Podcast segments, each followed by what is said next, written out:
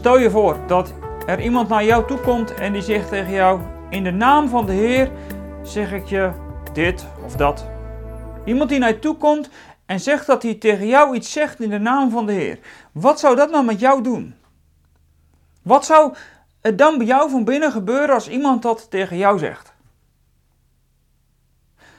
Welkom bij weer een nieuwe video en een nieuwe podcast in de serie Brieven uit de Hemel. En ik begin natuurlijk maar even met de deur in huis te vallen door je deze vraag maar gelijk te stellen. Ja, hoe zou je daarop reageren? Als iemand in de naam van de Heer jou iets komt zeggen. Het zou kunnen dat je zegt, nou Theo, dan staan mijn haren overeind. Terwijl het anderen zeggen, nou Theo, als die in de naam van de Heer tegen mij spreekt, dan is het wel serieus. Je voelt al aan, als iemand in de naam van de Heer naar je toe komt, dat hij eigenlijk met een soort van goddelijk gezag spreekt. En wie ben jij dan nog om tegenspraak in te brengen? Dat laat je dan wel. Want hij komt toch immers in de naam van de Heer?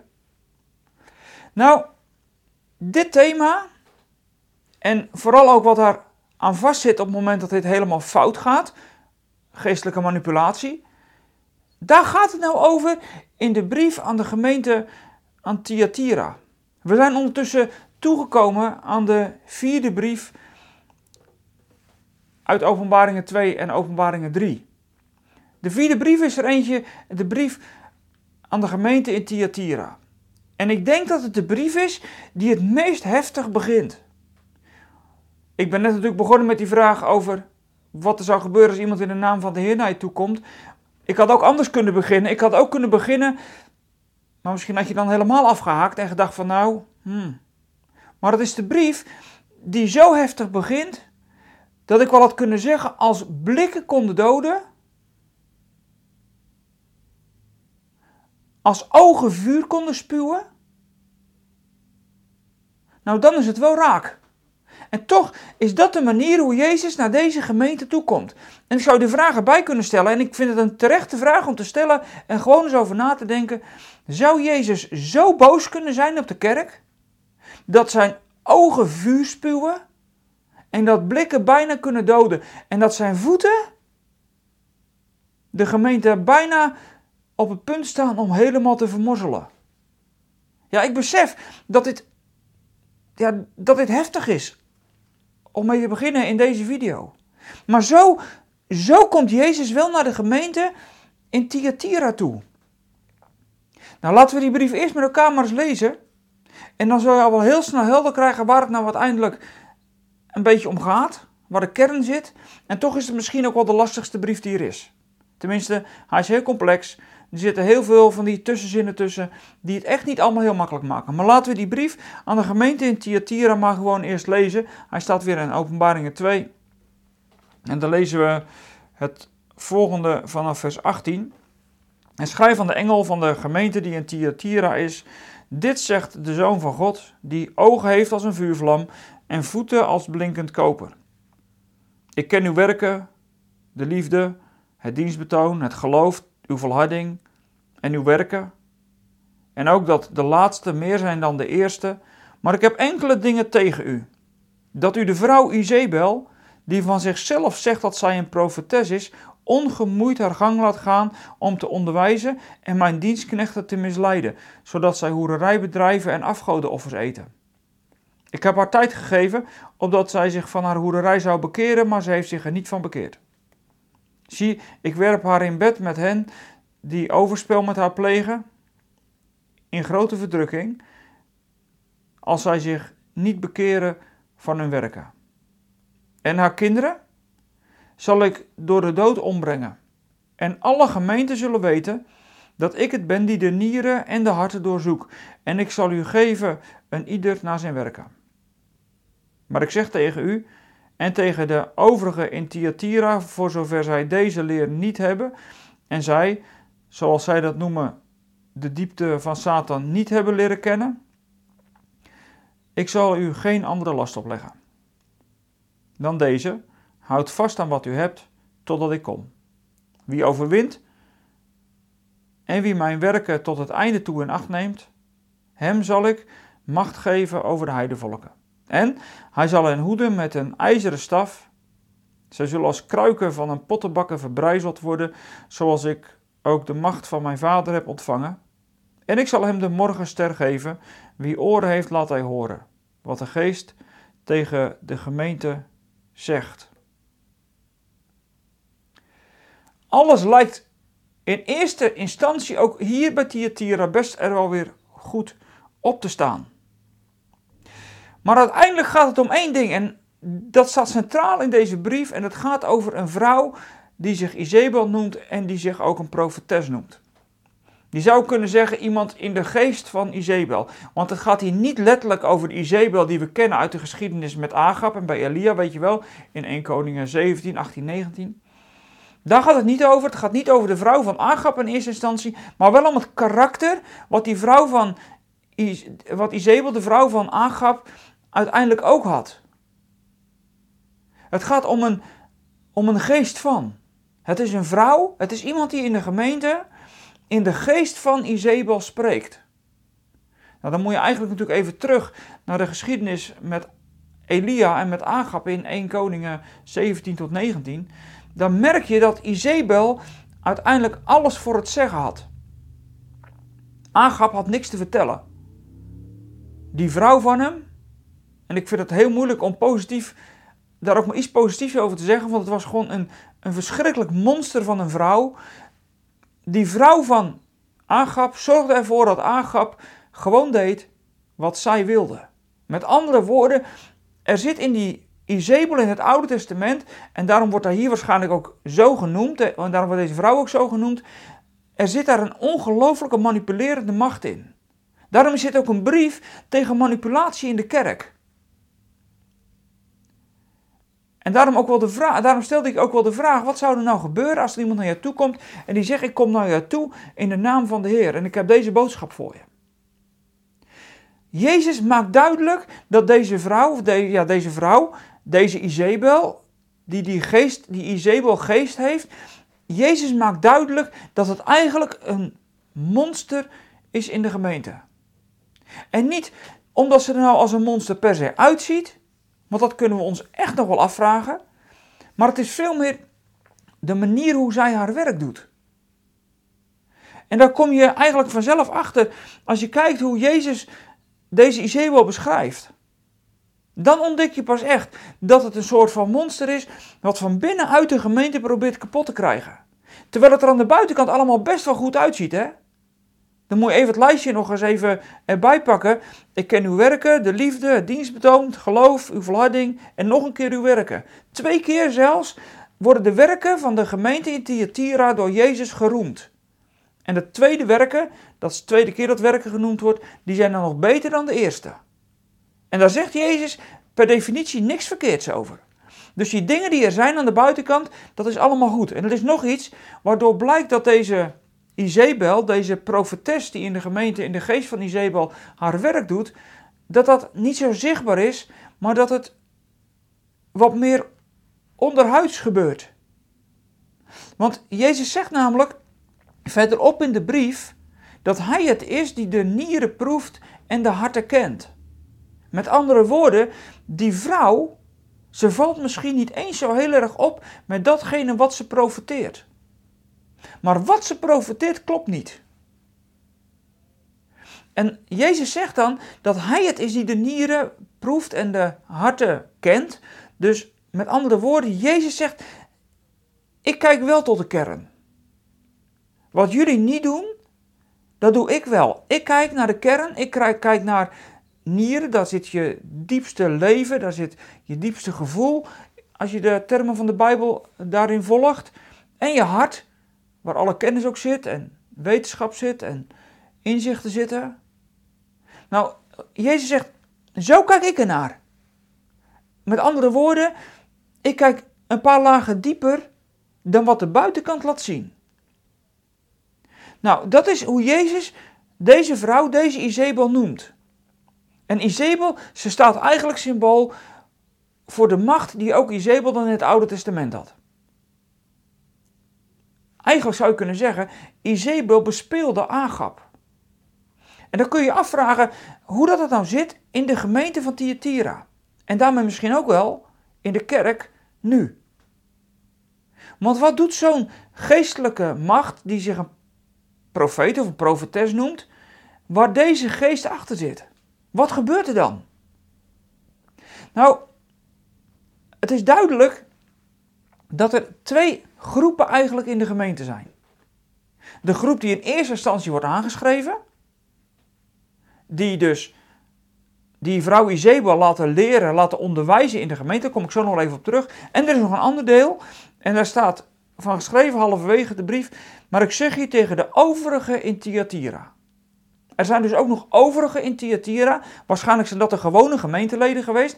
Dat is het meest aannemelijk. De overigen in Thyatira, voor zover zij deze leer niet hebben. En zij, zoals zij dat dan noemen, dat zijn de volgelingen van die Izebel, die zouden dan de diepte van Satan niet hebben gekend. Die Izebel, die vertelde ook nog dat datgene wat ze vertelde in de gemeente, dat dat zo belangrijk was, dat waren de diepte van Satan. Als je dat niet kon zien, dan kon je ook geen onderscheid maken. Er zit dus een, een geestelijke manipulerende macht achter, die je ook eigenlijk op een lager plan zet op het moment dat je haar dus niet volgt. Dat zijn de overigen. Maar wie spreekt Jezus nou in eerste plaats aan? Nou, dat is het leiderschap van de gemeente in Thyatira. Degene die hij in eerste instantie aanschrijft. En dat dat het leiderschap moet zijn, dat wordt al heel snel duidelijk als je kijkt op welke manier deze Izebel in de gemeente haar rol inneemt. Jezus zegt dat deze vrouw Izebel, die van zichzelf zegt dat zij een profetes is, die laat u ongemoeid haar gang gaan. Nou, een profetes, die komt natuurlijk in de naam van God. Dus vandaar ook mijn allereerste vraag aan het begin van deze video, en ik herhaal hem nog maar eens een keer. Wat zou er nou gebeuren als er iemand naar jou toe komt en die zegt, ik zeg jou in de naam van de Heer dit of dat? Hoe reageer je dan? In ieder geval blijkt het dat het leiderschap van de gemeente in Thyatira het gewoon heeft laten gebeuren. Of ze zijn het ermee eens geweest, of ze hebben geen weerstand geboden. Misschien wel omdat ze als een profetes kwam. En omdat ze als een profetes kwam, speelde hier natuurlijk die geestelijke manipulatie een enorme rol. Want ja, durf dan nog maar eens weerstand te bieden. Je zou voorganger zijn in zo'n gemeente. Waar zo'n profetes, die in de naam van de Heer van alles roept en zegt. En ik geloof dat God dit zegt en ik geloof dat, dat God, God dat zegt. Nou, je zou de voorganger zijn. En als je dan je oudste raad of je kerkraad zou hebben, die dan helemaal meebeweegt met deze vrouw. Nou, weet je wat er dan gebeurt? Dan gebeurt er wat het vervolg is van het werk van die Izebel in de gemeente. Wat doet die Izebel in de gemeente? Die zorgt ervoor dat zelfs de dienstknechten van God verleid worden. Hoererijbedrijven, dat is symbool van zich vermengen met de invloed of met de boodschap die deze profetes had. Hoererijbedrijven. En daarnaast ook nog dan de afgodenoffers eten. Nou, hoe dat precies geweest is in die gemeente, dat wordt allemaal niet zo duidelijk. Maar dat er een vermenging plaatsvindt vanuit die dienstknechten van God met de waarheid. Tegelijkertijd hoereren ze met de afgoden. Of met datgene wat in ieder geval niet klopt in deze situatie. Nou, dat zie je gebeuren op het moment dat die Izebel de ruimte krijgt om te blijven profiteren. En jullie hebben haar ongemoeid haar gang laten gaan. Nou, dan moet je je afvragen, wie heeft er in de gemeente uh, iets te zeggen over wie er wel of niet profiteert, wel of niet onderwijs geeft. Dat is altijd het leiderschap in de gemeente. Het leiderschap in de gemeente bepaalt wie het onderwijs mag geven. Dat zien we in onze tijd, denk ik, nog wel sterker als in die tijd. Maar wat gebeurt er nou als er zo'n Izebel binnenkomt die in de naam van de Heer van alles zegt? Dat is een goede vraag. Wat het zou moeten doen is duidelijk dat elke profeet of profetes die in de naam van de Heer komt, dan moet je maar één ding mee doen. Je moet toetsen wat hij zegt. Want een profeet die in de naam van de Heer komt, die moet altijd overeenkomstig en in de lijn van de schrift spreken. Doet hij dat niet? En je toetst hem aan die schrift, aan het woord van God. Ja, als hij dat niet doet, dan moet je hem buitenspel zetten. Dan moet je doen wat Jezus hier zegt. Ik heb haar de tijd gegeven dat ze, zou, dat ze zich zou bekeren. En zij deed het niet. En dat maakt wel duidelijk dat als het oordeel over zo'n profetie wordt uitgesproken, dat zo'n Izebel in de gemeente, dat hij niet accepteert dat hij wordt aangesproken op haar boodschap of op zijn boodschap. Het kan hij en zij zijn, het was hier en haar, maar de geest erachter is natuurlijk hetzelfde. Die profeet wordt niet die, die wil niet aangesproken worden op zijn boodschap. Die wil niet gecorrigeerd worden. En die bekeert zich er niet van. En wellicht zijn het hier hele grote dingen geweest, waar zelfs werkelijk het heidendom helemaal binnen werd gehaald. Maar zover hoeft het niet eens te gaan. Het kan zelfs zomaar een soort leer zijn die dicht aanschuurt tegen de waarheid, maar het net niet is. Dat zagen we natuurlijk de vorige keer in die vorige brief ook al, met die leer van Biliam. Maar hier wordt het nog, nog meer een geestelijke macht. Het is hier nog wat minder zichtbaar. Het gebeurt. Het gebeurt zomaar in de gemeente en ze wordt ongemoeid gelaten. De boodschap die hier wel in zit, is dat je niet onder de indruk moet raken als iemand zomaar roept in de naam van de Heer, doe ik dit of dat, of zeg ik dit of dat. Ik zeg ook wel eens dat ik in de naam van de Heer geloof dat ik iets moet zeggen. Maar als ik dat zeg, dan moet je mijn woorden altijd toetsen. Want ik ben gewoon een mens. En ik ben niet God zelf. Maar deze vrouw liet zich niet corrigeren. Ze wilde zich er niet van bekeren. En de tijd die ze heeft gekregen, die tijd, die heeft ze niet gebruikt. En de kinderen die uit die hoererij voortkomen, en waarschijnlijk zijn dat geen echte kinderen geweest, maar zijn het geestelijke kinderen geweest, doordat haar boodschap werd aangenomen en daardoor velen haar zijn gaan volgen, dat zijn dan haar geestelijke kinderen, zeg maar, die daaruit zijn voortgekomen. Daar spreekt Jezus ook een oordeel over uit. Want die kinderen zal hij doden. Het gaat blijkbaar zo ver dat mensen daardoor afdwalen van de waarheid van het reddende evangelie van Jezus. Zover gaat het. Maar de macht die erachter zit is manipulatief. Als je naar de macht kijkt die erachter zit, dan ontdek je deze vrouw, deze profeet, deze Izebelgeest, die accepteert geen tegenspraak. En eigenlijk zou ik bijna zeggen, op het moment dat je iemand naar je toe ziet komen die in de naam van de Heer iets zegt en daarop geen tegenspraak duldt, dan weet je eigenlijk al hoe laat het is. Als iemand in de naam van de Heer dat zegt en je, je, je wilt dat toetsen en je uit dat ook, je spreekt het ook uit, dat je dat wil toetsen en diegene gaat dan in het verweer, zet je dan maar schrap. Want dan is dat wel een heel duidelijk signaal dat de profetie die over je uitgesproken wordt, en dat kan ook heel persoonlijk zijn, hè? Ook over mij zijn profetie uitgesproken. Ik kom ook best wel op plekken waar mensen een profetie over mij uitspreken. Maar ik heb ook profetieën in mijn leven die en haak stonden op Gods woord. Nou, die kun je afwijzen. Maar ik heb ook profetieën waar ik nog geen vervulling van gezien heb. Dan kan dat nog komen, maar ik blijf wel kritisch. En ik geloof in profetie. Ik geloof absoluut dat God door zijn geest die geest van profetie geeft. Alleen als mens zit je er wel altijd nog tussen en moet het wel getoetst kunnen worden. Nou, dat is wat hier heel belangrijk is en wat niet gebeurde. En het leiderschap van de gemeente liet het gebeuren. En de dienstknechten in die gemeente, die zijn uiteindelijk omver gegaan. En die zijn meegegaan in die beweging van Izebel. Levensgevaarlijk. Maar gelukkig zijn er nog sommigen overgebleven en die krijgen de belofte mee. Ze zullen de morgenster krijgen. Wat die morgenster is, dat is een hele lastige, want je komt er niet zo goed uit. Er wordt van Jezus gezegd dat hij de morgenster is. Maar ja, Jezus heeft, heeft het hier over dat hij de morgenster zal geven. Wellicht heeft het te maken met de nieuwe morgen die eraan komt. Straks krijg je die morgenster bij je dagen van de nieuwe morgen aan het eind van de verdrukking die over de wereld komt, degene die volhouden, die zullen straks ook in de dageraad aankomen. Ik neig naar om daar het meest naartoe te bewegen en te denken dat dat ermee bedoeld wordt. En daarnaast, degene die volhouden om afstand te houden van deze vrouw en van deze leer en van deze geestelijke manipulatie, en dan zou misschien die leer ook nog wel kunnen wisselen, maar de geestelijke manipulatie erachter vooral. Dat je niet zomaar alles klakkeloos accepteert. Degenen die daar in staande blijven om daarvan weg te blijven, die zullen straks regeren, zelfs oordelen over de heidenen. Dus er ligt een hele mooie belofte klaar. Maar ook een indringende waarschuwing dat een Izebel of een Izebelgeest in de gemeente geen ruimte moet krijgen. Heel vaak treedt deze geest ook op daar waar verdeeldheid is in de gemeente. Dan zie je het al heel snel gebeuren. Maar ik geloof dat de Heer dit zegt en ik geloof dat de Heer dat zegt. Nou, als dat tegen elkaar gezegd wordt, wees dan even voorzichtig. Profetie die bij God vandaan komt, is eigenlijk in het Nieuwe Testament altijd een opbouwende profetie. Bemoedigend ook vaak. En wat deze Izeeuwgeest precies heeft gezegd, daar zegt Jezus niks over, want dat wisten ze in die gemeente wel. Jezus benadrukt alleen maar de macht die erin zit.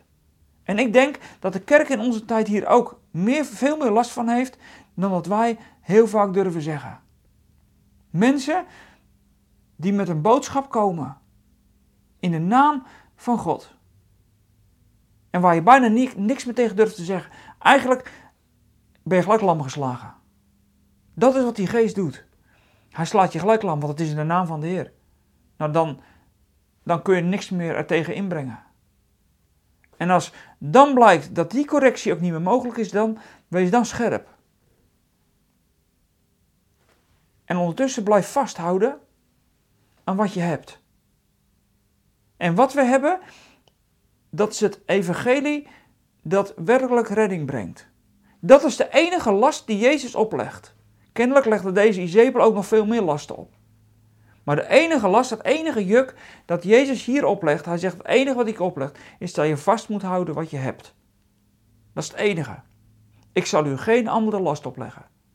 In tegenstelling tot heel veel profetische machten die uiteindelijk afdrijven van de waarheid, afdrijven van het evangelie en altijd weer nieuwe lasten opleggen. En ergens is die Izebel dus ook een hele religieuze invloed, een hele religieuze geest in de gemeente. En in de naam van de Heer dit en in de naam van de Heer dat. En weet je, ik denk nog niet dat het aan één kant van de kerk zit. Het zit zowel links als rechts, het zit in het midden, het zit evangelisch, het zit in de zware kerk. Het zit aan alle kanten. Want aan de zware kerk zit het, in, de Heer zegt dat je dat en dat moet je daar en daarmee moet kleden. En aan de andere kant hoor ik alleen maar in de naam van de Heer mag ik zeggen dat je er mag zijn, punt. En er wordt niks, geen balans meer aangebracht. En zo zit het aan alle kanten. Maar alles wat in de naam van de Heer gesproken wordt, moet overeenkomstig het woord van God zijn. En hou daarom wat je hebt en hou dit woord vast. En voorkom dat Thyatira een kopie krijgt in onze tijd. En als die er is, breek er dan mee en neem afstand. En daarmee zeg ik niet dat je niet moet profiteren en dat er geen profetie over je uitgesproken zou mogen worden. Juist wel, want ik zou zeggen, dat ontbreekt juist ook in de kerk. Misschien wel omdat we daar hebben gezegd, ooit, eeuwen geleden, in de naam van de Heer, die gaven van de geest die zijn voor vroeger. En heeft die macht nog steeds macht. En zijn die gaven van de geest juist daarom wel geblokkeerd. Hoe dan ook, profetie is heel erg bijbels. Mits die toetsbaar is en mits dat het corrigeerbaar is. En als dat er niet meer is, hou dan maar gewoon vast wat je hebt. En hou je dan bij het enige woord van God, Jezus, die hier in vol ornaat naar deze gemeente toe komt, klaar om ogen vol vuur te laten schieten naar de gemeente en voeten van, bronzend, van glanzend bronzend, bronskoper bijna de gemeente te vertrappen vanwege de leer die is binnengekomen. Omdat het leiderschap, want daar neigt nog wel het meest naar, het nog heeft laten gebeuren ook. Een hele heftige brief. Maar voor deze keer ook weer genoeg, genoeg om over na te denken. Fijn dat je er weer bij was, fijn dat je gekeken hebt, geluisterd hebt, hoe dan ook. Ik zal zeggen, als je nog niet geabonneerd bent op ons kanaal, abonneer dan even. Druk dan even op die abonneerknop. Geef even een blauw duimpje op YouTube als je daar hebt gekeken. En uh, ja, kun je ons met een gift ondersteunen? Dan zou ik zeggen van harte, daar zijn we heel blij mee. We danken je ook als je dat doet. Sommigen doen dat maandelijks, daar zijn we echt heel dankbaar voor. Maar dat zouden we ook best nog wel iets meer kunnen gebruiken. Zo eerlijk moeten we ook wel zijn. En ik zou zeggen, tot volgende week bij de volgende brief.